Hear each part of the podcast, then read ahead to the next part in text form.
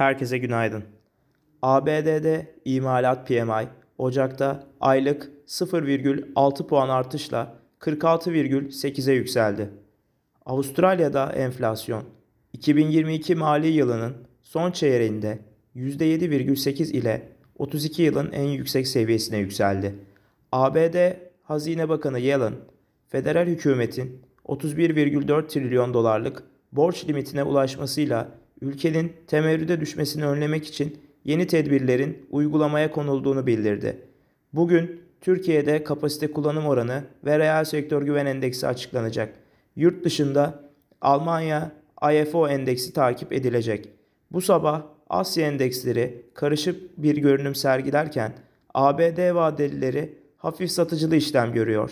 Borsa İstanbul'un hafif alıcılı başlamasını öngörüyoruz. Herkese iyi seanslar, iyi günler dileriz.